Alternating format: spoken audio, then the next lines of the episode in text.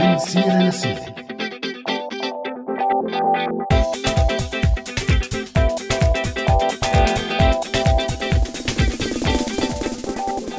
يسعد مساكم مستمعينا مستمعي راديو السوريالي بحلقة جديدة من برنامج من سيرة لسيرة. معي أنا عزة وكمان معي همام من وراء المايك. يسعد مساك همام مرحبا عزة يسعد مساكي ومسا كل مستمعينا عبر هوا راديو السوريالي بموضوعنا الجديد لليوم. هو بالحقيقة مو كتير جديد لأنه سوريا صار لها بتعاني منه قريب ال 50 سنة. إيه معك حق عزة. هو مو جديد على سوريا وكتار قبلنا حكوا عنه وتناقشوا فيه بس اليوم شفنا إنه من الضروري نفتح هالملف بعد ما صرنا عم نشوف مواقف وحالات يا أما هي تمثيليات يا أما إنه هي بوادر تغيير وتحسن. قلت لي تغيير وتحسن مو؟ هلأ ليك لما يكون موضوعنا الفساد بسوريا فصعب يكون عندي أمل بتغيير وتحسن إذا ما تغيرت المنظومة كلها. بما إنك أعطيت الحل كله للمشكلة فشو رأيك نختم؟ لا لا لا طول بالك لسه عندي حكي كتير. طلع بالحلقة لقلك لكن رح نطلع بالحلقة نحن وياكم مستمعينا ورح يشاركنا بالحوار ضيفنا المحامي والكاتب إيهاب عبد ربه ولا تنسوا تشاركونا برأيكم كمان. وخلونا هلا نمسي على اماني معدة البرنامج وغالية بمتابعة التعليقات وتيسير على الهندسة الصوتية. يسعد مساكم جميعا.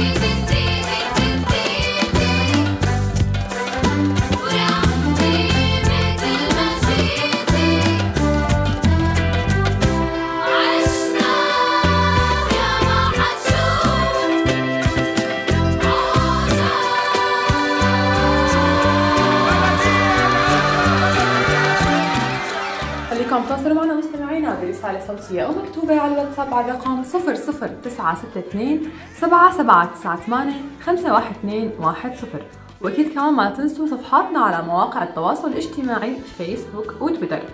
أما سؤال حلقتنا لهالأسبوع كيف بتشوفوا يلي قام فيه وزير الداخلية النظام لما أحال أحد الموظفين بنقابة الأطباء بتهمة الرشوة بعد تقاضي 50 ليرة؟ وهل برأيكم ممكن يكون خطوة لمكافحة الفساد بسوريا؟ الدنيا الأرض كل انسان وله غرض بعلمك حب بعلمك بغض بعلمك مدح بعلمك نقض شو القصة وشو الغرض؟ ليش سكت وما اعترض بين على انه قمر بالدنيا الأرض كل انسان له غرض بعلمك حب بعلمك بغض بعلمك مدح بعلمك نقض شو القصة وشو الغرض؟ ليش سكت كبير عنده بلاغه شكسبير مقالاته كلها نار عم تحرق الاستعمار له مغفل ولا سلسال. ابن حرفه ابن كارما بيكتب عن طمع المحك على الوجع ليش سكت ليش قنع فعل بابع واعترض بين على أنه قبض قبض قبض قبض قبض قبض. وهالخطابات النارية ومتابعين القضية بإخلاص وطنية والغرض ذات الغرض والمرض ذات المرض واللي بتشوفه اعترض بيكون لسه ما قبض ما قبض ما قبض.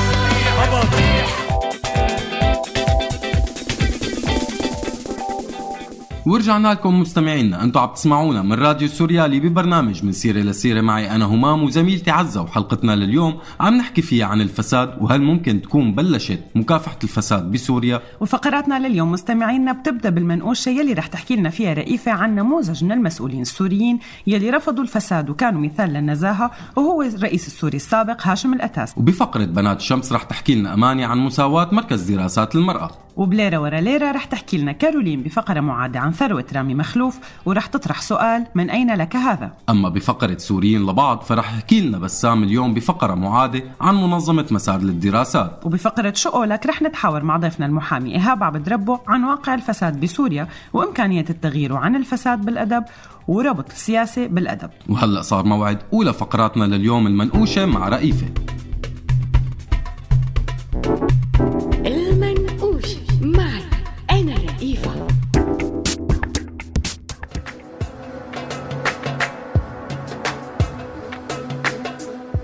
لقبوا الشعب السوري أبو الجمهورية ووقت توفى جنازته كانت أكبر جنازة طلعت بمدينة حمص على الإطلاق مين هو هاشم الأتاسي؟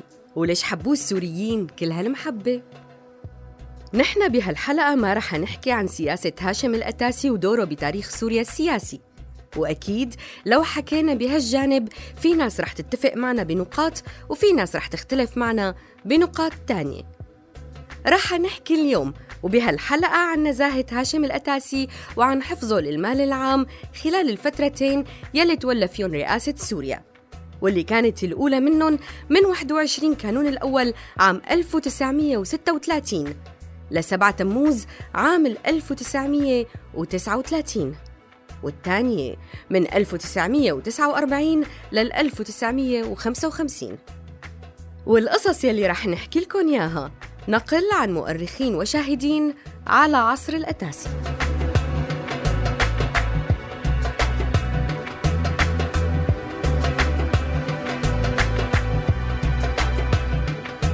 من أبرز مواقف نزاهة الأتاسي إنه كان يرفض يستعمل ممتلكات الدولة لأغراضه الشخصية أو حتى أغراض عيلته حتى بألزم الحالات وأصعب الأوقات مهما كان هالاستخدام بسيط.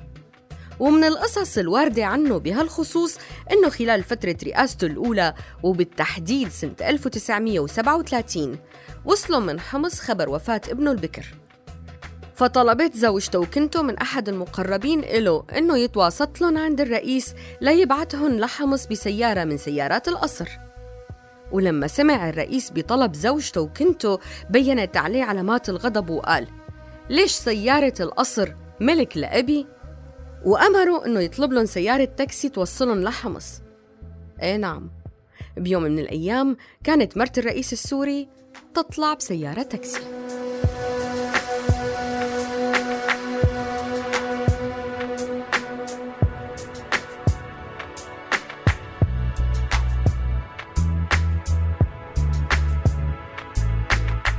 وكمان من المواقف الواردة عن نزاهة الأتاسي موقف رواه مصباح الغفري بمجلة صوت العراق.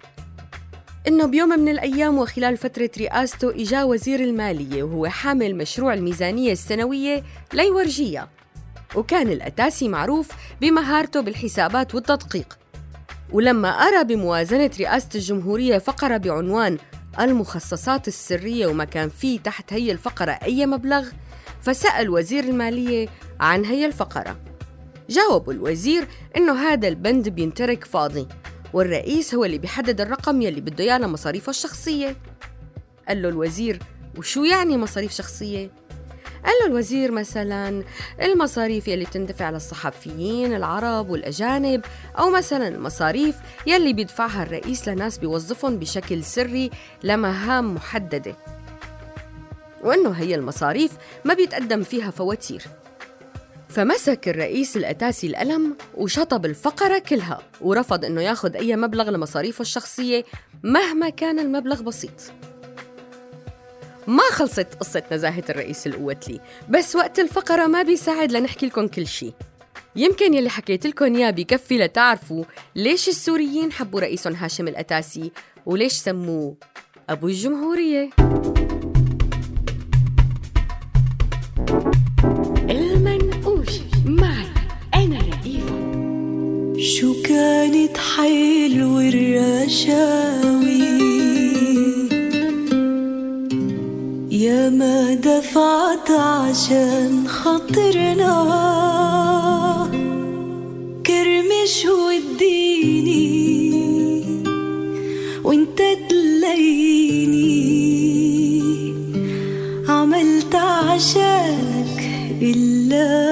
اللي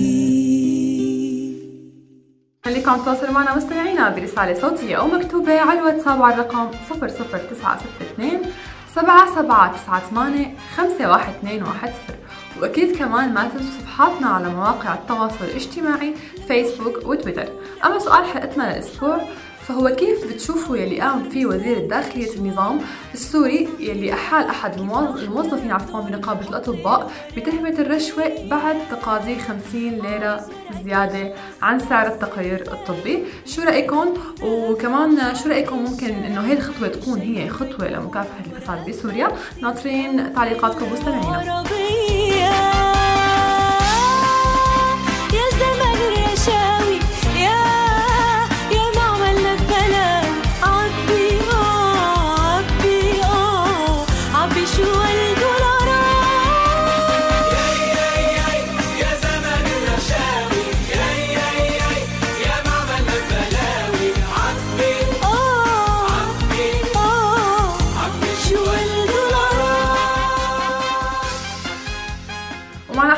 وعلى صفحتنا على الفيسبوك رامي. والله عرف الوزير كيف يصير مشهور والعالم تحكي فيه. جان كنفش عم بيقول حرام 50 ليرة أجار ميكرو مو محرزة؟ تفتح الدماغ هو الموضوع. لو تعمل شريف خليك ملطوع. زي الصرصار مرمي بالساعات ممكن تقعد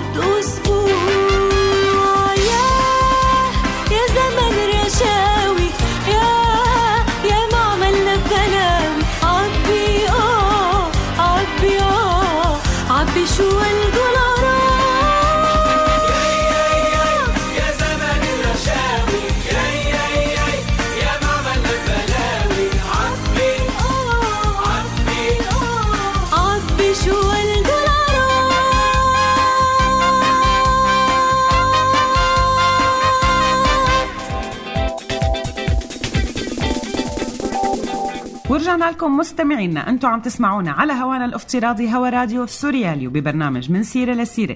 معي أنا عزة ومع زميلي همام وبحلقتنا لليوم عم نحكي عن الفساد بسوريا وإمكانية التغيير. خلينا عزة نبلش حديثنا بأنه نحكي بشكل عام عن شو هو الفساد يعني شو هو تعريف الفساد. هلا أنا بقول الفساد هو استغلال المنصب لتحقيق المصالح الشخصية. حلو هالتعريف بس لازم ننتبه إنه المنصب هون مو شرط يكون منصب عالي يعني أي مركز وظيفي إن شاء الله يكون بأسفل السلم الوظيفي إذا تم استغلاله لمنفعة شخصية بيتصنف ضمن الفساد. على هذا الأساس يا عزة فيك تعطينا أمثلة عن الفساد؟ أوهو في كتير أمثلة همام وللأسف كلها شايفينها بسوريا. يعني مثلا مثل إنه يتلاعب موظف بفواتير المشتريات والمهمات وياخذ الفرق لجيبته. هي واحد. اثنين تمرير اتفاقيات وعقود مقابل عمولات خاصة أو إرساء مثلا مناقصات على متقدمين ممكن يكون غيرهم أكفأ منهم كمان مقابل عمولات محرزة. وفي أشكال كتير تانية ذكرني شو نسيت؟ نسيت يا عزة الرشاوي يلي ما في سوري ما عانى منها بالدوائر الحكومية. وكمان ابتزاز رجال الأعمال وأصحاب رؤوس الأموال والتجار والمقاولين وتمشاية معاملات. لك حتى أحيانا ممكن تكون هي المعاملات قانونية. ذكرتني همام بمسلسل يوميات مدير عام. عن جد هذا المسلسل كان كتير حقيقي وصور بشكل كتير واقعي حجم الفساد بدوائر الدولة.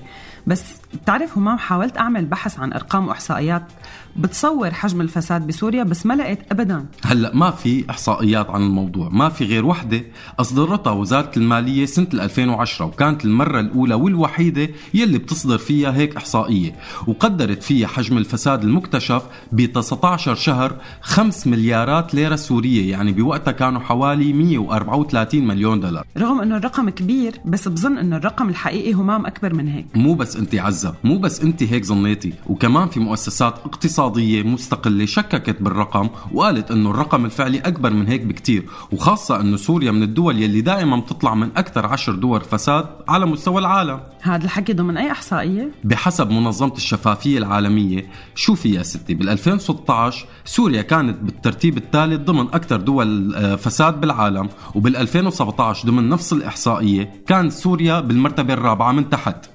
أما بال 2018 فتقدمت سوريا قصدي عفوا تراجعت لتكون بالمرتبة الثالثة ضمن أكثر الدول فساد بالعالم. طيب وقبل الفترة الأخيرة يعني مثلا لو رجعنا هيك لقبل الثورة؟ بحسب نفس المنظمة إحصائية ال 2003 بتقول كانت سوريا بالمرتبة 69 من أصل 178 دولة وهذا الترتيب من أقل الدول فساد لأكثرها وبال 2004 تراجعت للمرتبة 73 يعني زاد الفساد. وبال 2005 كمان تراجعت ل 76 طيب هات هالورقة اللي بإيدك لشو؟ طيب ماشي بس قريها بصوت عالي ها لا تنسي إنه معنا المستمعين نحن. خلص ولا يهمك أنا بس بدي ساعدك. وبال 2006 تراجعت مرة واحدة أكثر من 20 ترتيب لتصير بالترتيب ال 97 بال 2007 كمان زاد الفساد بشكل هائل لتصير سوريا بالمرتبة 142 وبال 2008 مستمعينا كانت سوريا بالمرتبة 147 من أصل 187 دولة. وبال 2009 تحسن ترتيبها شوي ليصير 126 يعني قل الفساد. أما بال 2010 فكان الترتيب 127 يعني منلاحظ مستمعينا أنه كل ما رجعنا شوي بالوقت لورا بصير الفساد أقل وهذا إذا دل على شيء فبدل إنه الوضع عم يزداد سوء ونهب الممتلكات العامة عم يزيد أكثر وأكثر. وبالمقابل الخدمات بالبلد عم تسوء وتتراجع وظواهر أساسية بالمجتمع عم تنحدر مثل واقع التعليم والمرأة والطفل. وبما أنك جيت على واقع المرأة فخلينا نروح لفقرتنا الجاية بنات الشمس لنحكي عن مساواة مركز دراسات المرأة مع أماني. بنات الشمس معي أنا أماني.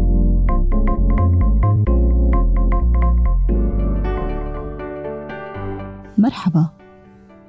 تغيير واقع المرأة وإعطاء مكانة بالمجتمع بحسب كفاءتها وقدراتها هو ركن مهم من أركان مكافحة الفساد. رح نحكي اليوم عن مساواة مركز دراسات المرأة.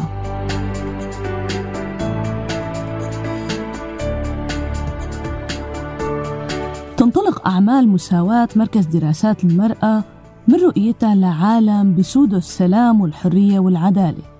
بظل دولة ديمقراطية حديثة بتقوم على مبدأ المواطنة وبتعتمد على المساواة الجندرية دستوريا وقانونيا. وبتضمن المشاركة المتساوية للمرأة مع الرجل بكل نواحي الحياة السياسية والاقتصادية والاجتماعية والمعرفية وبالمجالين العام والخاص. تتمثل أهداف مركز مساواة بالمساهمة ببناء الدولة الديمقراطية الحديثة على أساس المواطنة والمساواة الجندرية. حظر وتجريم كل أشكال العنف ضد النساء قانونياً بالمجالين العام والخاص. السعي لتمكين النساء. تثبيت مبادئ دستورية مؤقتة للتمييز الإيجابي لصالح المرأة. وإدماج مفاهيم النوع الاجتماعي بالتنمية والارتقاء بمؤشرات التنمية الإنسانية المستدامة. وتعزيز المشاركة مع الهيئات والمنظمات المحلية والعربية والدولية المعنية بشؤون المرأة.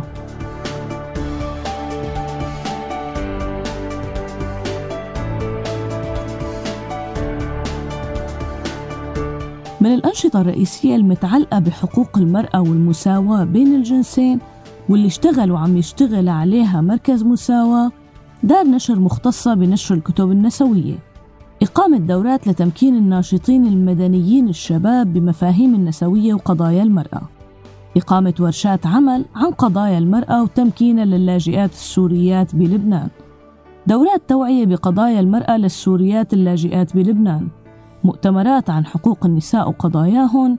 برامج تمكين للنساء النازحات داخل سوريا. تشمل محو أمية تعليم لغات توعية صحية توعية قانونية دعم نفسي تعليم وحرف يدوية. برامج دعم نفسي حساسة للجندر للأطفال النازحين. المشاركة بفعاليات دولية لدعم قضايا المرأة وحماية المرأة السورية وبناء السلام بسوريا. والفئات المستهدفة بهي الأنشطة هن ضحايا العنف والنساء المهاجرات واللاجئات والنساء الموظفات العاملات. بمثل هي المؤسسات والمراكز والنشاطات نقدر نعمل تأثير كبير على واقع المرأة السورية يلي هي أولا وأخيرا بنت الشمس. بنات الشمس معي أنا أماني. بدي اشتغل بدي وظيفة. ما عندي خبرة. خريج جديد. أنا بدي راتب. بدي أعيش. ما معيش مصاري. وضمان مفيش أخدت دورات أخدت امتياز. بحكي إنجليزي. كوري ممتاز. ما بدي عطلة. بداوم شفتات بعملكو قهوة. بمسح حمامات خليكم تواصلوا معنا مستمعينا برسالة صوتية أو مكتوبة على الواتساب على الرقم 00962 7798 51210 وأكيد كمان ما تنسوا صفحاتنا على مواقع التواصل الاجتماعي فيسبوك وتويتر. أما سؤال حلقتنا لهالأسبوع كيف بتشوفوا يلي قام فيه وزير الداخلية النظام لما أحال أحد الموظفين بنقابة الأطباء بتهمة الرشوة بعد تقاضي 50 ليرة وهل برأيكم ممكن يكون خطوة لمكافحة الفساد بسوريا؟ أما نورس عم بيقول على الضعيف بس مكافحة الفساد محمد ناظر عم بيقول المشكلة لازم ياخذ من الناس حسب قرار نقابة الأطباء. 632 ليرة. هو عم ياخذ 550 ليرة وأحيانا 600 كيف عم تزبط ميزانية الدولة؟ يعني حسبنا الله ونعم الوكيل عوجة. شكرا يا محمد على مشاركتك. أحمد عم بيقول ذكرني بيوميات مدير عام عن جد يا أحمد. آه، شكرا على مشاركتك.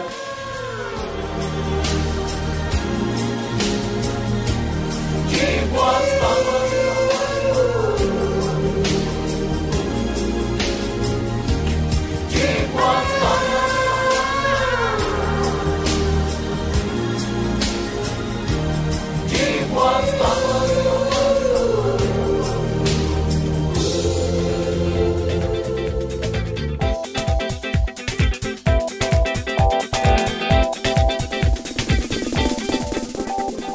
ورجعنا لكم مستمعينا. أنتم عم تسمعونا على هوا راديو سوريالي ببرنامج من سيرة لسيرة يلي عم نتناول فيه اليوم الفساد بسوريا ومستقبل البلد مع هذا الواقع. ومثل ما شفنا مستمعينا قبل فقرتنا إنه مع الوقت كل ماله الفساد بسوريا عم يزيد. بس برأيك همام ليش زاد بهالشكل الكتير كبير بعد الثورة؟ لأنه عزة صار في طلب على الجيش والأحتياط ومع خطورة الوضع صاروا العساكر يدفعوا مبالغ طائلة لضباطهم لحتى يزبطوا لهم وضعهم وهذا بنسميه بالعامية التفييش يعني صار عدد كبير من العساكر يفيش مشان يخدم جيش وهو قاعد بالبيت. وأكيد في أسباب تانية إلها علاقة بعدم المتابعة القانونية مع كل الفوضى اللي عم تعاني منها البلد صح كلامك همام وبظن كمان إنه الوضع الاقتصادي بيلعب دور. يعني الموظف اللي ما كان يرتشي وكان عايش على 200 دولار يعني إذا وصلوا لل 200 صار يرتشي لحتى يقدر يدبر حاله ويعيش اولاده ومن جهة تانية ضياع القانون وصفقات تجارة الأسلحة وغير القانونية وغير المخدرات زادت الوضع سوء من ناحية الفساد.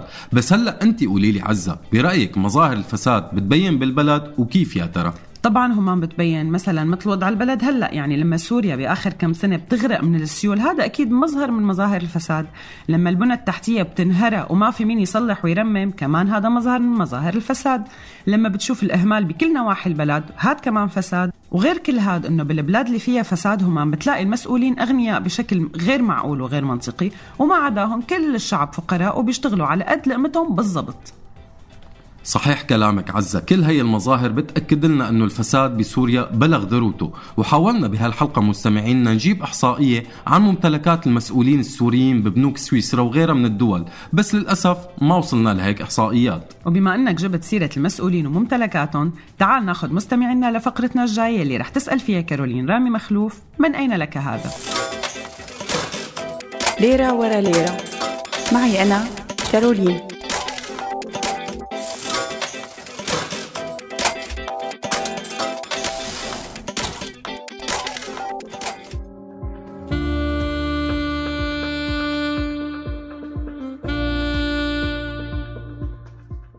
مرحبا. المرحلة اللي عم تمر فيها سوريا هي من أسوأ المراحل اللي مرت فيها البلد اقتصاديا. وبهالوضع الاقتصادي الصعب خلونا نعمل نظرة على ثروة أشهر وأبرز شخصية اقتصادية بسوريا رامي مخلوف ابن خال رأس النظام السوري بشار الأسد. ونفكر من أين لك هذا؟ بحسب تقرير نشرته مجلة فوربس للأغنياء العالم ويلي بتستند بأرقامها ومعلوماتها لمعلومات دقيقة من المصارف الدولية والشركات العالمية وكل الأموال التجارية وصلت ثروة رامي مخلوف ل 27 مليار دولار هالثروة تجمعت خلال 17 سنة مين بيصدق؟ 27 مليار دولار ب 17 سنة بس والسؤال كيف ومن وين تجمعت هالثروة؟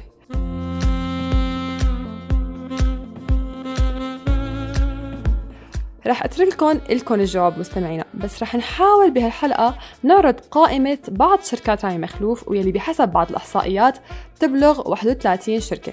أكبرها شركة سرياتيل واللي له فيها رامي مخلوف 80% من الأسهم. قيمتها 48 مليار و240 مليون ليرة سوري. بنهاية سنة 2010 وبشركة شام القابضة يلي هي من أكبر الشركات القابضة بسوريا حصة مخلوف بتبلغ 9 مليارات و125 مليون ليرة سوري. ببنك سوريا الدولي الإسلامي حصة مخلوف بنهاية 2009 كانت 141 مليون ونص ليرة سوري. ببنك بيبلوس ثروته هي أكثر من نصف مليار ليرة سوري. وبشركة العقيلة للتأمين التكافلي حصته 4.92% من رأس المال الشركة يعني 173 مليون ليرة سوري. وبشركة نور المختصة بصناعة وتوزيع الألبسة 100 مليون ليرة سوري. وبشركة آه، الكورنيش السياحية 150 مليون ليرة سوري. وباقي الملايين موزعة على الشركة على الشركة الإسلامية للخدمات المالية شركة Gulfsands البريطانية للبترول شركة شام Capital للوساطة المالية شركة صروح العقارية شركة فاتكس للتجارة وتصنيع الأدوية شركة الفجر العقارية راديو وتلفزيون نينار شركة البتراء للعقارات شركة المدائن السياحية وشركة الحدائق بنيان الشام RAC الدولية للعقارات مدرسة شويفات شركة الالتي للشرق الأوسط للحديد والتغليف بالزنك بنك البركة سوريا بنك قطر الوطني سوريا بنك الشام الإسلامي بنك الأردن سوريا شركة ال STS لبيع خطوط شركة سيرياتيل شركة ProMedia الإعلانية الشركة الدولية الزراعية شركة حسين مخلوف وشريكه.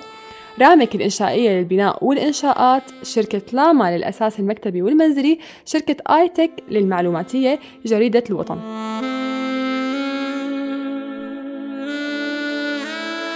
بالإضافة لهذا كله رامي مخلوف مستثمر ومحتكر السوق الحر بسوريا بفروعه بمطار حلب ودمشق ومينائي اللاذقية وطرطوس وحدود باب الهوى والجديدة ودرعا وما في مستثمر غيره بيقدر يدخل بهذا المجال. بالإضافة لامتلاكه ل 80% من أسطول جزيرة أرواد السورية وهو أكبر أسطول بالمنطقة لصيد السمك.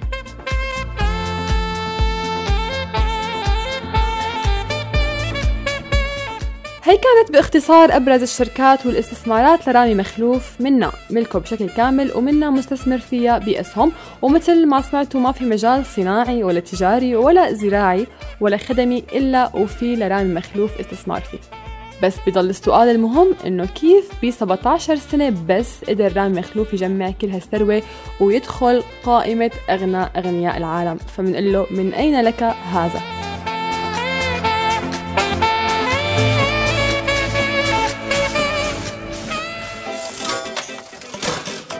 ليرة ورا ليرة. معي أنا كارولين.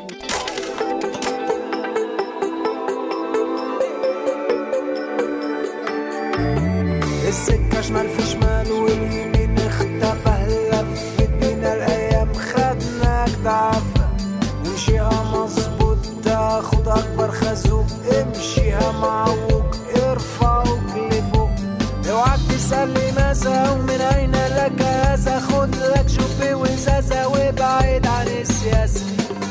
نام وبلاش غلاسة دي مواضيع صعبة وحساسة وانت مالكش عزة. أخرك دمعة وجنازة. الوقت بقى عالي والرخيص بقى غالي. وإحنا كده بالتالي ملناش مكان. واحدة لغتني تاني وقعت في كلامي السكة قدامي.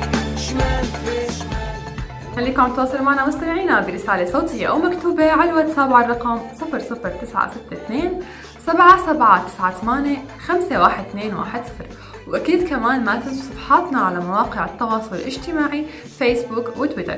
أما سؤال حلقتنا للأسبوع فهو كيف بتشوفوا يلي قام فيه وزير الداخلية النظام السوري يلي أحال أحد الموظ- الموظفين عفوا بنقابة الأطباء بتهمة الرشوة بعد تقاضي 50 ليرة زيادة عن سعر التقرير الطبي؟ شو رأيكم؟ وكمان شو رأيكم ممكن إنه هي الخطوة تكون هي خطوة لمكافحة الفساد بسوريا؟ ناطرين تعليقاتكم مستمعينا.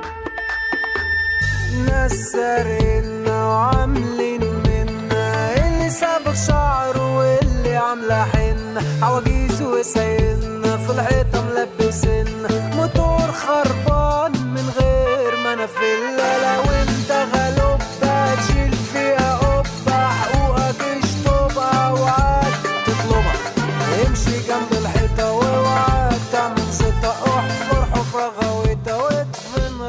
راسك فيها. أمير المصلي عم بيقول مو خطأ أنك تحاسب المرتشين وهذا هو عين الصواب بس لازم يكون في تشجيع وعدم السكوت عن الخطأ. أما السؤال هل الموظف يكفيه الراتب ليعيش كريم؟ إذا كان السؤال نعم فأنا مع المحاسبة. أما إذا كان الراتب ما بيأمن له العيشة الكريمة فلازم أول شيء يحاسبوا المسؤولين عن كل رشوة بيتقاضاها الموظف. يعني عن لما بيرتشي الموظف لازم نحاسب المسؤول. شكرا يا أمير على مشاركتك.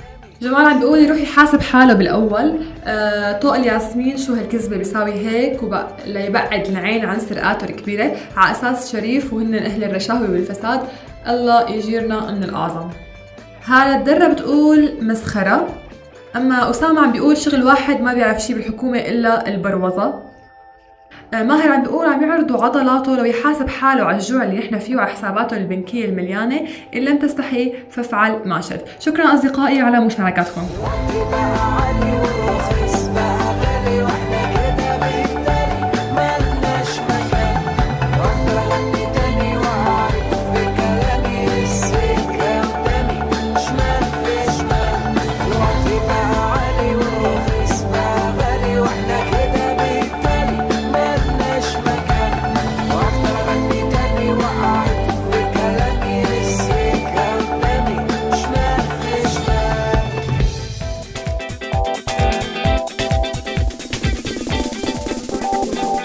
ورجعنا لكم مستمعينا أنتم عم تسمعونا على هوانا الافتراضي هوا راديو سوريالي وببرنامج من سيرة لسيرة. معي أنا عزة ومع زميلي همام. وبحلقتنا اليوم مستمعينا عم نحكي عن الفساد وهل ممكن يا ترى أنه تكون بلشت مكافحة الفساد بسوريا؟ طيب همام سمعنا وشفنا مؤخرا الفيديو اللي انتشر على وسائل التواصل الاجتماعي عن وزير الداخلية السورية محمود الشعار وهو عم يحاسب موظف عم يربح على التقرير الطبي 50 ليرة سوري. مزبوط عزة وبموجب هالشي انحال الموظف للقضاء وتم التحقيق معه بتهمة الفساد وهدر المال العام. بس الموظف طلع بريء من تهمة هدر المال العام لأنه وثيقة بيع التقرير الطبي الصادرة عن نقابة الأطباء بتقلك أنه بينباع التقرير بهامش ربح 15% يعني ال 50 ليرة يلي عم يزيدها الموظف هي هامش الربح المنصوص عليه بالوثيقة الصادرة عن نقابة الأطباء. هو بالحقيقة همام السؤال مو هون. السؤال هو هل فعلا مشكلة الفساد بهال 50 ليرة؟ وهل مكافحة الفساد بتبلش من الموظفين الصغار؟ وهل الوزير نفسه نزيه بما يكفي لحسب الموظفين الصغار يا ترى؟ هلا هدول بصراحة يعني مو سؤال واحد. بس رح حاول جاوبك عليهم باختصار. أنا برأيي منظومة كلها بدها تغيير ابتداء من القانون الواضح والصارم يلي بيحرم الفساد مهما كان حجم هذا الفساد لتطبيق هذا القانون على الصغير والكبير. وهون بالضبط النقطة يلي بدي أحط إيدي عليها لأنه لازم القانون يتطبق وما يتميز في حدا عن حدا ولا منصب كبير عن منصب صغير وما يتعاقبوا الصغار مشان تغطاية قضايا فساد الكبار. مشان هيك ومثل ما قلت أنت همام المنظومة بشكل كامل بدها تغيير. ومشان هيك كمان ثورتنا نادت وطالبت ولساتها عم تنادي وتطالب بتحقيق العدالة يعني بالتساوي قدام القانون. وتكون سلطة القانون هي السلطة العليا على كل شيء وعلى كل حدا كمان. وبنفس أهمية اللي حكيتيه عزة لازم كل مواطن سوري يعرف شو إله وشو عليه يعني مشان ما يسيء استخدام منصبه وهو مو عرفان ومشان ما يسمح لحدا يعمل منه ضحية للفساد. وفي مؤسسات سورية همام انتبهت لهالجانب من التوعية القانونية والاجتماعية والسياسية وعملت مبادرات وحملات توعوية مثل منظمة مسار للدراسات. يلي رح نسمع عنها اليوم بهالفقرة معادة من سوريين لبعض. سوريين لبعض. معي أنا بسام داوود لنحكي عن مبادرات أنفية السوريين للسوريين.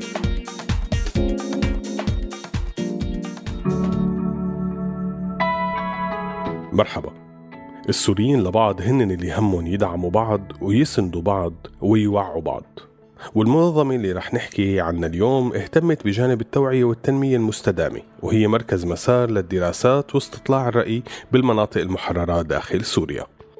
مركز مسار هو منظمة بحثية سورية مستقلة غير ربحية بتهدف لدفع السلطة والمجتمع باتجاه التنمية الشاملة المستدامة وتحقيق الاكتفاء الذاتي. انطلاقا من إيمانها بحقوق الإنسان والشفافية والمحاسبة والتنمية المستدامة وإشراك المجتمع. بيهدف المركز لمسح وتقييم الاحتياجات والعمل على تلبيتها وتأمين التواصل مع الجهات والمنظمات العاملة بهذا المجال بالإضافة لبناء القدرات الاجتماعية وتعزيز البنية الفوقية للمنظمات العاملة بالداخل بطريقة ممنهجة وعلمية واستهداف شامل للمجتمع وتعزيز الناحية العلمية. هاي الأهداف والمهام بيتم تحقيق قسم منها من خلال عدة برامج. أولا برنامج التطوير والتوظيف اللي بيضمن ثلاث مشاريع.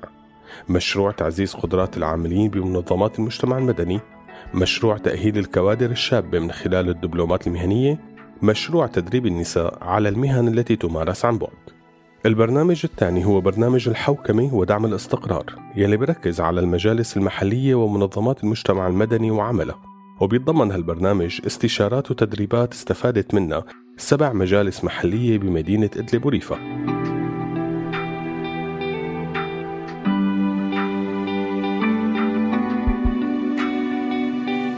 أما برنامج مشاريع التنمية فبيتضمن مشروع إدخال تقنيات التعلم السريع ومشروع بناء بنك بذور محلي لدعم الزراعة.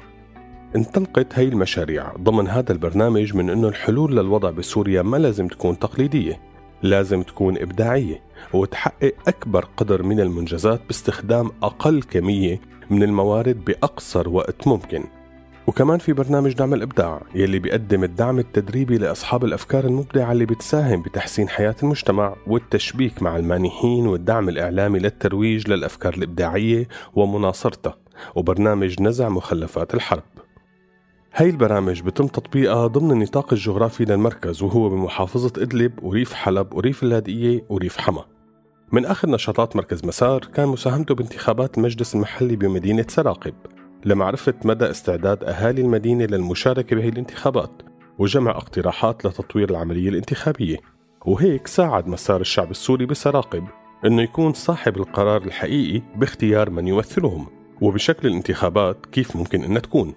إذا بدكم تعرفوا أكثر عن برنامج ومشاريع مسار فيكم تزوروا موقعهم الإلكتروني وصفحتهم على الفيسبوك اللي بتلاقوهم بوصف الحلقة. سلام. سوريين لبعض. معي أنا بسام داوود؟ لنحكي عن مبادرات فيها السوريين للسوريين.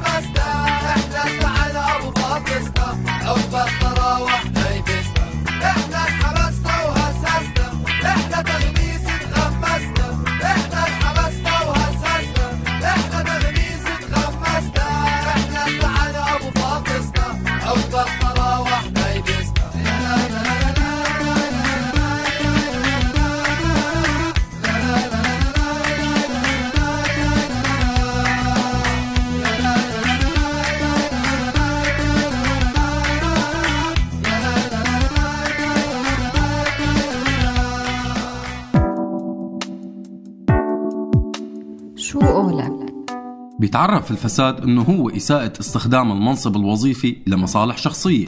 أما إذا بدنا نحكي عن الفساد بسوريا فكل واحد فينا عنده قصص وحكايات ما بتخلص. ولو اطلعنا على إحصائيات منظمة الشفافية من 2003 ولهلأ رح نلاحظ إنه سوريا بتراجع مستمر بين الدول الاقل فسادا. وهذا الحكي معناه إنه عبر السنين ازداد الفساد بسوريا بنسبة كبيرة كتير لوصلت لأنها تكون بال 2018 بالمرتبة الثالثة بين أكثر دول العالم فسادا. بس الشعب السوري انوعد على على لسان عفوا وزير خارجيته إنه رح تتم مكافحة الفساد بالبلد والصغير قبل الكبير. ويمكن قصده الصغير وبس. عموما مستمعينا كل هاي النقط رح نتحاور ونحكي فيها مع ضيفنا المحامي والكاتب إيهاب عبد ربه. المحامي السوري والكاتب إيهاب عبد ربه أهلا وسهلا فيك ضيف عزيز ببرنامج من سيرة لسيرة عهوى راديو سوريالي. أهلا وسهلا فيك أستاذ إيهاب. أهلا وسهلا فيكم. مرحبا. أستاذ إيهاب للأسف ظاهرة الفساد ما لها ظاهرة غريبة بسوريا. آه، سؤالنا الأول اليوم وبشكل عام كيف بيأثر الفساد على إعادة اعمار البلد؟ ما هو الفساد هو اللي خربه. فطبيعي جدا فطبيعي جدا أنه مستحيل يسمح بإعادة اعمارها الفساد شو مشكلة الفساد؟ ليش الفساد بدمر أي بلد بالعالم؟ الفساد بدمر أي بلد بالعالم لأنه بيسيء بتوزيع الثروة بشكل عادل. وبالتالي بي- بيوسع الفجوة بين الطبقات الاجتماعية. الطبقة الوسطى بتتآكل وبيزداد بالبلد طبقتين فقط. طبقة الأغنياء جدا وطبقة الفقراء جدا. والدولة طبعا ما بتعود تقدر تأخذ ضرائب من الأغنياء جدا لأنه بصيروا متنفذين. واساسا بس- بسبب الفساد بصير في تهرب من الضريبة بشكل كثير كبير. وبالتالي الدولة ما بتعود تقدر تنفق على الفقراء بشكل جيد فبتزيد فوارق بالتعليم. بصير معه مصاري بيتعلم اللي ما معه مصاري ما بيتعلم. اللي معه مصاري بيتعالج واللي ما معه مصاري ما بيتعالج. وبالتالي الإنسان بيتدمر. حتى لو أنت عمرت البنايات حتى لو أنت عمرت الجسور حتى لو أنت عمرتي أي شيء بالدنيا طالما أنه الإنسان مدمر الإنسان مهمش الإنسان مهشم كمان ما فيك تعمري بلد اطلاقا. ونحن بنشوف تجارب البل- البلدان اللي خرجت من حروب. أي بلد خرجت من حرب وتفر إذا هي غنية ولا فقيرة مو مهم. عندها موارد ولا ما عندها موارد مو مهم. المهم الإدارة فيها فاسدة ولا مش فاسدة. في كثير. العصر الحديث العصر الحديث صار يؤمن بالتنمية الاقتصادية. أي تنمية اقتصادية تحتاج إلى إدارة فيها درجة عالية من الشفافية والديمقراطية والتوزيع العادل للثروة. غير هيك مستحيل يصير في إعادة أعمار. وهي شوفت عينك عندنا نموذجين عندنا اليابان وعندنا لبنان. شوفوا الفرق بين الدولتين وشو صار بعد الحرب باليابان وشو صار بعد الحرب بلبنان تمام. طيب أستاذ إيهاب ملف الفساد بسوريا مثل ما كنا بنعرف إنه ملف ضخم وإذا فتحنا يعني ما بتخيل نقدر نسكره اليوم. بس بحديثنا اليوم رح نحكي عن سلوك النظام السوري مؤخرا بمكافحة الفساد. برأيك هل ممكن النظام السوري قرر يقضي على الفساد بمرحلة إعادة اعمار البلد؟ السؤال بحد ذاته غير منطقي أوكي مزبوط لأنه لأنه لا- يعني يعني سؤال النظام السوري يقضي على الفساد. يعني إنه في نظام بس في بقلبه فساد. الأدق إنه النظام هو فاسد. يعني النظام السوري هو يدير عملية الفساد. لما بتقول أنت إنه طريف الأخرس ورامي مخلوف بيحتكروا الاقتصاد على سبيل المثال. هدول عملة النظام. هدول هدول أولاد النظام. لما بتقول أنت إنه كل موارد الدولة بايد شخصيات من العائلة الحاكمة أو واجهات للعائلة الحاكمة. اذا أنا ما عندي هلا كل دولة بالعالم فيها نسبة معينة من الفساد بتكثر أو بتخف. بس الفرق في دولة مش فاسدة بس داخل فيها فساد. وفي دولة بحد ذاتها فاسدة هي تدير الفساد. في سوريا للأسف النظام السوري هو اللي بيدير الفساد. بيديره بشكل ممنهج. يعني أنا أعطيك مثال بسيط. مثال بسيط جدا جدا جدا. وهذا ما بده كثير لا وثائق سرية ولا شيء للإنسان يفهمه. لما صار في صراع بين رامي مخلوف وبين طريف الأخرس حول إدارة آه، أو رئاسة غرفة التجارة في دمشق وفي سوريا اتحاد التجار كانت الغلبة لرامي مخلوف هو اللي استلم باعتبار أنه من طرف أم بشار. فكرمال ما تزعل أسماء الأسد. عم حكيك جد هيك صار بسوريا. راح تم ابتكار اتحاد صناعيي دمشق آه، سوريا عفوا. وحط مركزه في حمص يعني لأول مرة لأول مرة بينعمل اتحاد عام في سوريا وبيكون المركز مش دمشق مش العاصمة. حط مركزه في حمص وسلموا لطريف الأخرس إرضاء للكنة والحماية. هن بيديروا سوريا كلها على أنها مزرعة إلهم لا أكثر ولا أقل. تمام. للأسف. آه، شفنا فيديوهات انتشرت أستاذ إيهاب آه، لوزير الداخلية السوري محمد الشعار وهو عم يعمل جولات تفقدية لمكافحة الفساد. شو الغرض الحقيقي منا برأيك لهيك فيديوهات؟ هلا آه، العقل النظام السوري ما زال عايش بالستينات والسبعينات. يعني هو لهلا مفكر إنه الشعب حمار. يعني حتى جمهور المؤيدين آه، ضحكوا عليه. هن لسه ما ولجوا لعصر ال social media. هن ما بيفهموا إنه في صورة أخرى اليوم موجودة في العالم. النظام السوري لساته عايش في زمن ال one image أنا بس عندي التلفزيون الرسمي أنا بقدم لك الحقيقة فقط أنا بحتكرها. وبالتالي أي شيء بقدم لك إياه هو صح. ما عادوا يفهموا إنه لا نحن صرنا في زمن منفتح والناس كلها بتقدر تنتقد وتكتب وتضحك وتتمسخر وتحط لك موجات آه، سخرية. النظام السوري ما زال يظن إنه هو بهي الحركات تبع إنه ابن الرئيس بيمشي في الشارع والرئيس بيسوق سيارته لحاله وإنه هو عم يتشبه بالغرب وإنه وزير داخلية آه، عم يمشي في الشارع قال وعم بيسأل شرطي أنت شو عم تعمل هون يا ابني؟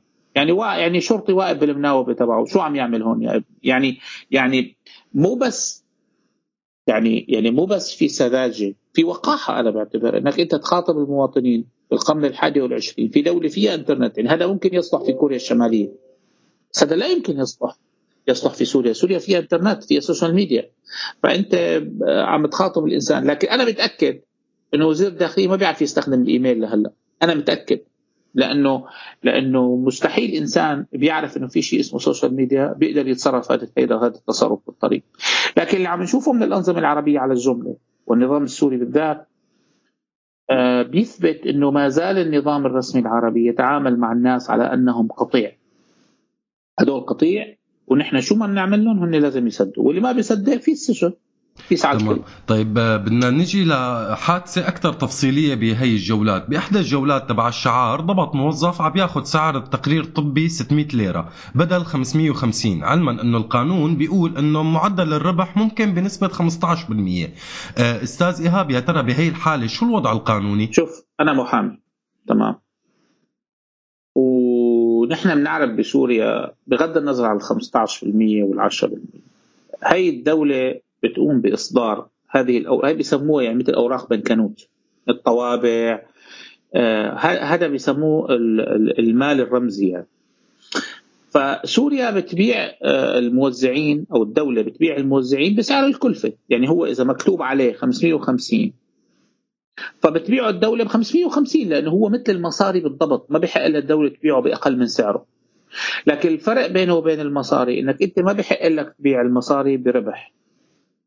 لكن انت بحق لك تبيع الطوابع أو تبيع التقارير الطبية بربح عرفت؟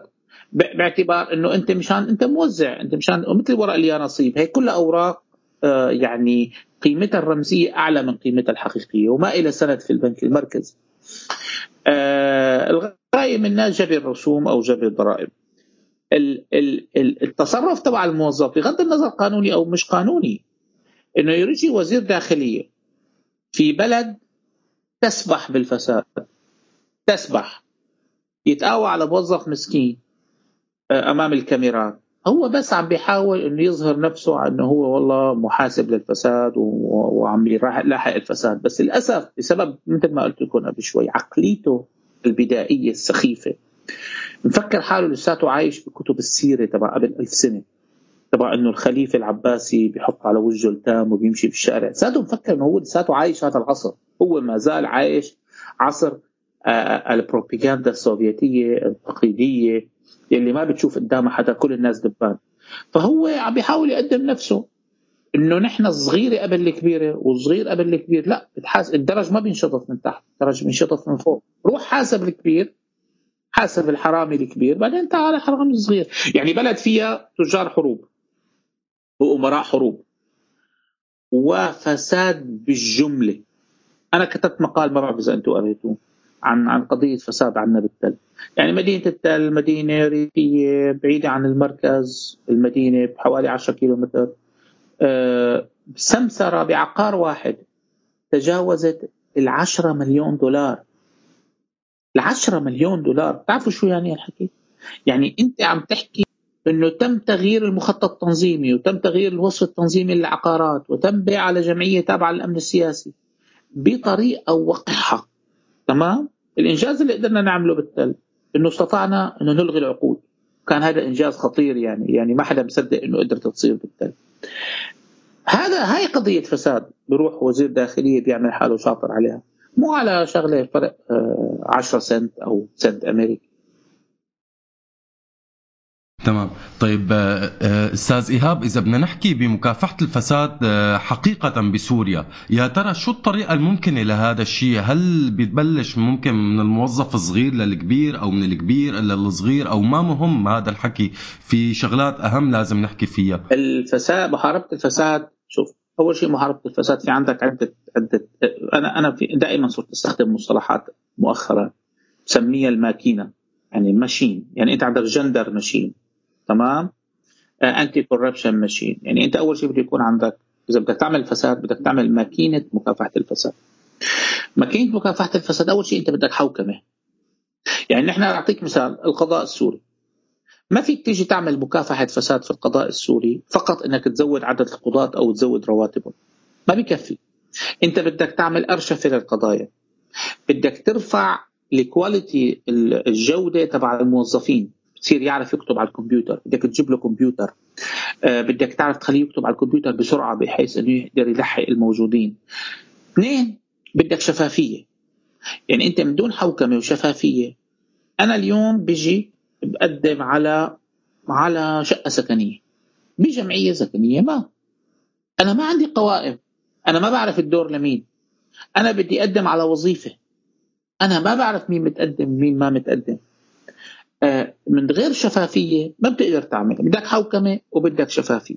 ما عم حاكيك هلأ أنا على الأفراد. ممكن واحد يجي يقول لك آه، بنجيب بشار الأسد بنجيب غيره بنحل المشكلة. لا ما بتقدر. تغيير رأس النظام أو حتى تغيير شخصيات النظام كله ما بتفيد. بدك تغير النظام. شو يعني تغير النظام؟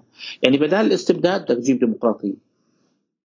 بدال ال ال ال شو اسمه آه، إخفاء المعلومات بدك تعمل شفافية.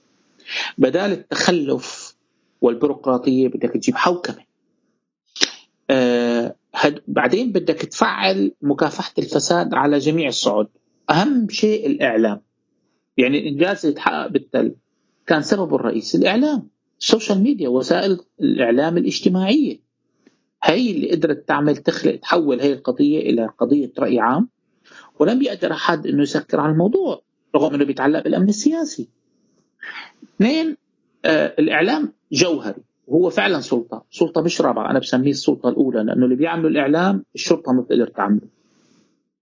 بعدين بتبلش بعملية إعادة تأهيل الكوادر الحكومية. الرشوة في سوريا اساتذتي آه هو عرف. يعني أنا لما كنت أشتغل بلوحمه وصلت لدرجة إنه ما أروح على المخفر لأنه صار عرف إذا المحامي فات على المخفر لازم يدفع مصاري. وصار نحس آه، يتصلوا فينا ناس قرايبيننا أو رفقاتنا أو أصدقائنا. يقول لي أنا عندي مشكلة معينة بالمخفر. تعال. فبتلاقيه ابن عمي أو حتى أخي بقول له حبيبي بس تصل على المحكمة أنا بساعدك ما ينزع المخفر. يعني أنا بعرف حالي إني بمجرد قطعت على المخفر لازم أدفع كذا ألف ليرة للشرطة وللضباط وللأخ. اذا اذا الفساد في سوريا صار قيمة. فأنت أول شيء بدك تساويه بدك تعيد تغيير نظره الإنسان للقيمة هي بحد ذاتها. تغيرها بالإنسان. هذا كله بده حوكمة حوكمة ال system هو اللي. ال system هو اللي بيقول لك تركيا على سبيل المثال. بعام 2000 كانت رح تنهار اقتصاديا الدولار وصل لمليون و300 ألف ليرة تركي. شلون قدرت تتغير تركيا؟ روسيا مع خلافنا مع السياسي مع بوتين. سنة ال 2000 انهار الاتحاد الروسي الفدرالي. هو انهار الاتحاد السوفيتي ب 89 90 بس الاتحاد الفدرالي انهار اقتصاديا تماما. يعني مع يعني صاروا ياخذ جورج بوش الأب هو بالبداية اللي أطلق قانون لدعم روسيا بالمصاري، صارت أمريكا هي تصرف على الموظفين بروسيا مشان ما تنهار الدولة الروسية ويقع النووي بإيد المافيا. اجى بوتين هو بحد ذاته كان صاحب مشروع. اللي زت الفاسدين بالسجون وعمل آه، هيئة عليا لمكافحة الفساد وأعاد ضبط البلد وأعاد إنتاج الاقتصاد الوطني من أول جديد تخيل يلتسن يلتسن لما راح على على على على الولايات المتحدة الأمريكية راح سكران. رئيس روسيا نزل من الطيارة سكران. بالليل طلع بالشورت قال بده يروح يأكل Pizza Hut. آه هذا يلتسن اجى سلم البلد لبوتين ومشي. قال له خلص أنا ما عاد فيني أعمل شيء. بوتين أول شيء عمله حط صهر يالتسن بالسجن بالأخير. لأنه هو اللي راح قام بعملية خصخصة كبيرة لشركات نفط وإلى آخره.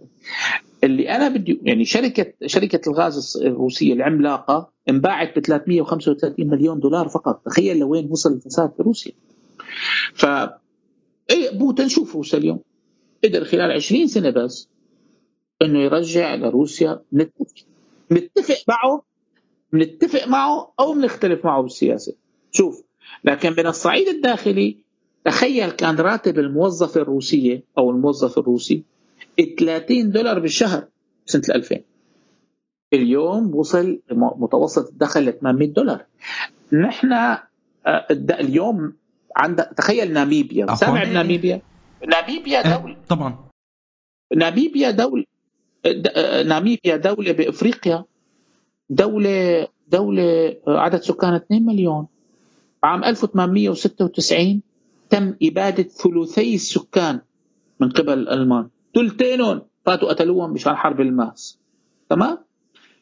ناميبيا اليوم في أعلى درجات حرية التعبير في العالم. من مؤشرات أعلى درجات حرية التعبير في العالم. ناميبيا راح تبني أطول برج بالعالم الآن.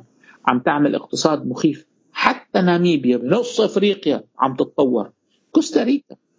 كوستاريكا بعام 2021 رح تكون أول دولة في العالم خالية من الكربون. كل بس تصير في إرادة سياسية برأيي. كل شيء سهل. أول شيء الاراده السياسيه من دون إرادة سياسية ما بتقدر رح ننتقل هلأ شوي لعند حضرتك. بدنا تحكي لنا شوي أستاذ إيهاب عن تجربتك بجمع القانون والأدب بنفس الوقت وشو شو كتبت عن البلد وعن اللي فيها وشو القضايا اللي تناولتها؟ آه. آه أول شيء آه القانون. القانون أنا يعني القانون كان بسوريا بالنسبة لي هو بالدرجة الأولى مهنة. آه وكان مهنة أنا بشوفها كانت محترمة. بس للأسف النظام السوري اساء مثل ما اساء لكل شيء. لكن بعد ما دخلت لكلية الحقوق تحولت إلى شغف. آم، القانون ما كثير بعيد عن الأدب لأنه أساسا القانون بينبنى على فلسفة. أنت ما فيك تعمل قانون من دون ما يكون عندك فلسفة تأسس لهذا القانون. لما بيكون عندك فلسفة حريات بتنتج قانون حرية. ولما بيكون عندك فلسفة استبداد بتنتج قانون مستبد. أه كشخص بحب القراءة من يعني صارت دخولي للأدب صار أول مرة راح أحكي هذا الكلام على العام يعني. أه صار صدفة. أنا بقرأ كثير كثير بحب بحب القراءة بشكل كثير كثير فبسنة 2012 آه، صار في حرب بالتل بين الجيش الحر وبين النظام. فقعدت عاطل على العمل المحكمة تسكرت. فصرت مضي معظم وقتي بالقراءة.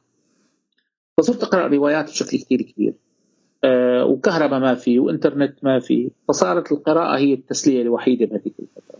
ضليت على حالي شيء 8 9 شهور بعدين قررت إني أكتب نص. فكتبت نص وأرسلته لثلاث دور نشر منهم وحدة لصديقي. ففي دائما بكل دار نشر لجنة اسمها لجنة القراءة بتقرأ النص وبتعطي رأي إنه ينشر هذا النص أم لا ينشر هذا. ففي دارين للنشر ما ردوا لي جواب ابدا. الصديق انحرج ما يرد لي جواب وانحرج يقول لي رفضنا النشر فبعث لي قرار لجنة النشر. فكان تيربل يعني يعني كان مريع القرار يعني الرأي. هو يبدو إنه اللي كتب الرأي ما كان متوقع إني أنا أقرأه.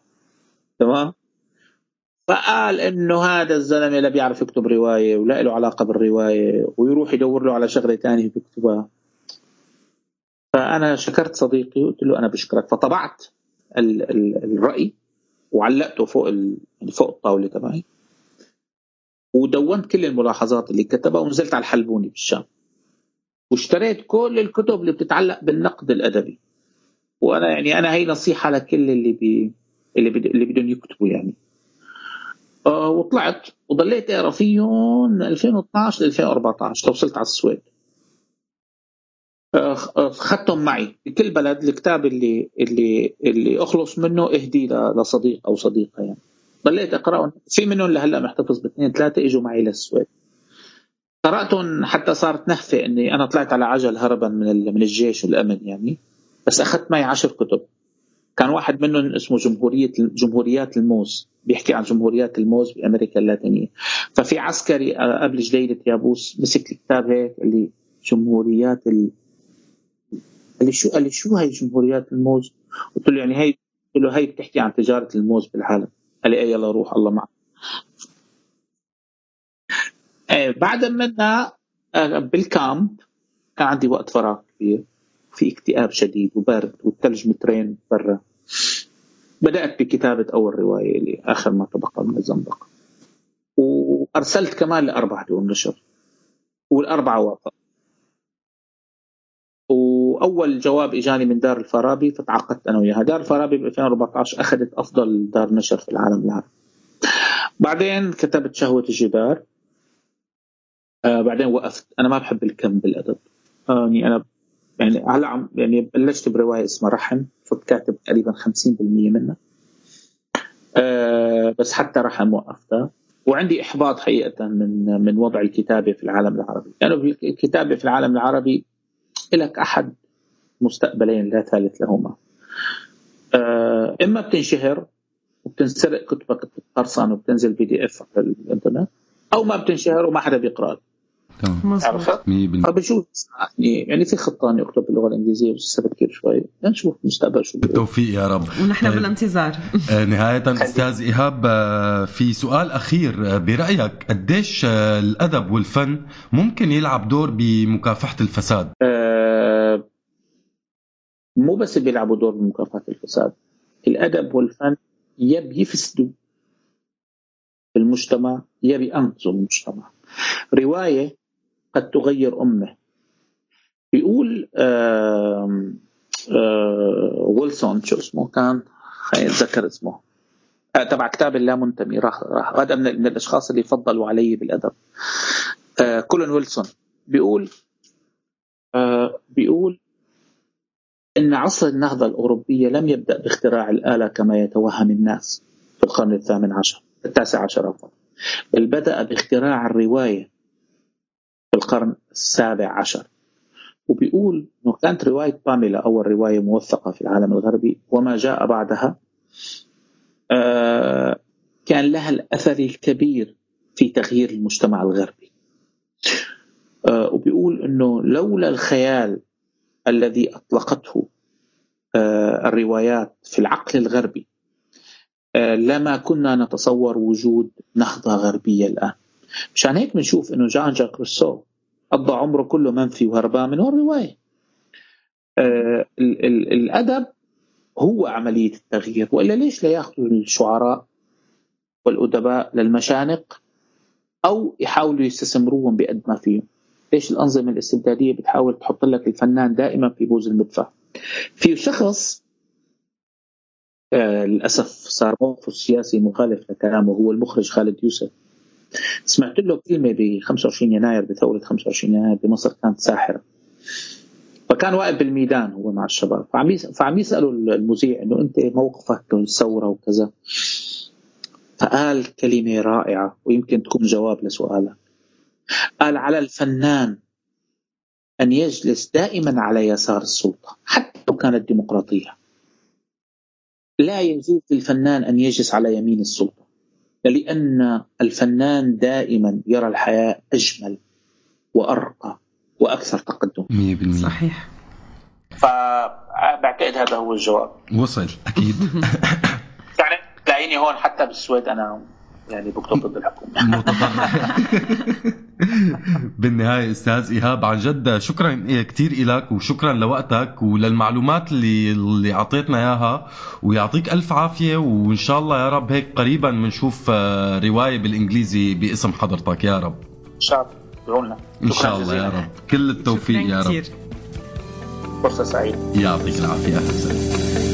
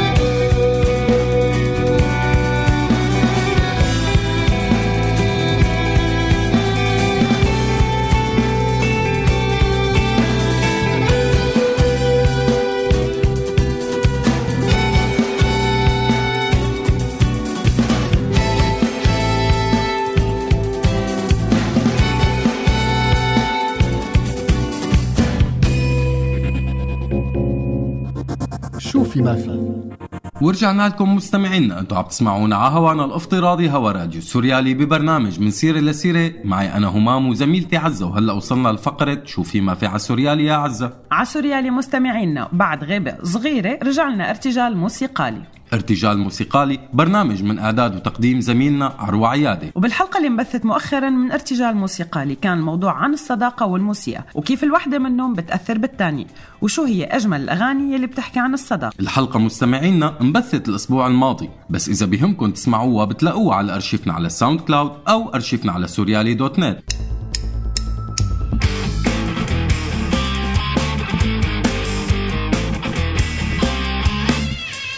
ولهون مستمعينا بيكون خلص مشوارنا لليوم. بدنا نشكركم على استماعكم تواصلكم ومشاركتكم وأكيد بنلتقي الأسبوع الجاي. وأنا بدوري كمان بدي أشكركم مستمعينا وبدي أشكر أماني معدة البرنامج وفريق الإنتاج براديو سوريالي وأكيد بدي أشكر تيسير على الهندسة الصوتية وغالي على متابعة التعليقات. وهلأ رح وداكم على خير وعلى أمل اللقاء. كنت معكم أنا عزة. وأنا هما. عايشين بالدين.